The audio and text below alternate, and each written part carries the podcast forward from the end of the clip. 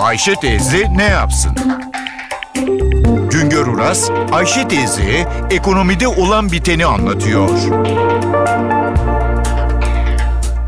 Merhaba sayın dinleyenler, merhaba Ayşe Hanım teyze, merhaba Ali Rıza Bey amca.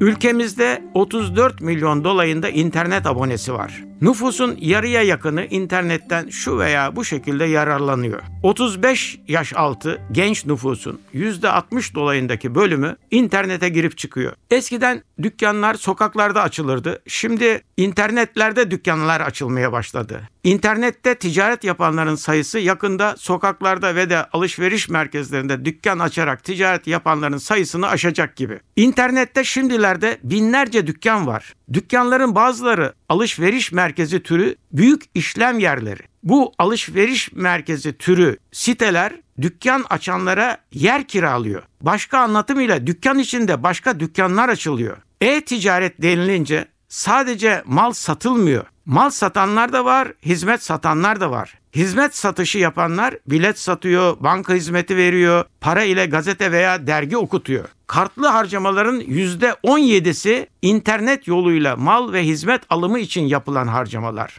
Mal satanlar aynı sokaklardaki dükkanlar gibi satış yapıyor. Örneğin büyük bir grup yabancı ortaklarla açtığı sitede girişimcilere 8 bin dükkan kiralamış. Bu dükkanlarda 6,5 milyon çeşit mal satılıyor. Dikkat buyurunuz. Bir sitede 8 bin dükkan var ve bu dükkanlarda da 6,5 milyon çeşit mal satılıyor. 2013 yılında Türkiye'de e-ticaret toplamı 35 milyar lira dolayında. Mal ticaretinin toplam 35 milyar liralık ciro içindeki payı ise 5 milyar lira dolayında. İşlem hacimlerinin çoğu hizmet ticaretinden kaynaklanıyor. 2013 yılında kredi kartı ile e-ticaret kapsamında yapılan işlem sayısı 200 milyon adedi geçmiş. Yurt içinde mal alım satımında toplam işlemlerin yarıya yakını giyim eşyası. Daha sonra elektronik eşya, kozmetik, mücevherat, takı, ayakkabı ve çanta alışverişleri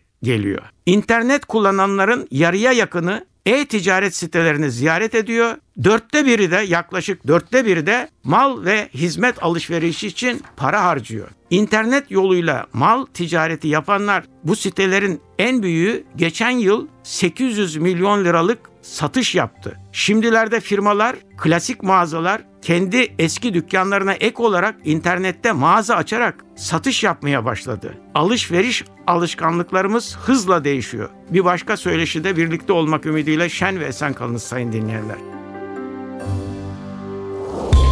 Güngör Uras'a sormak istediklerinizi ntvradio.com.tr adresine yazabilirsiniz.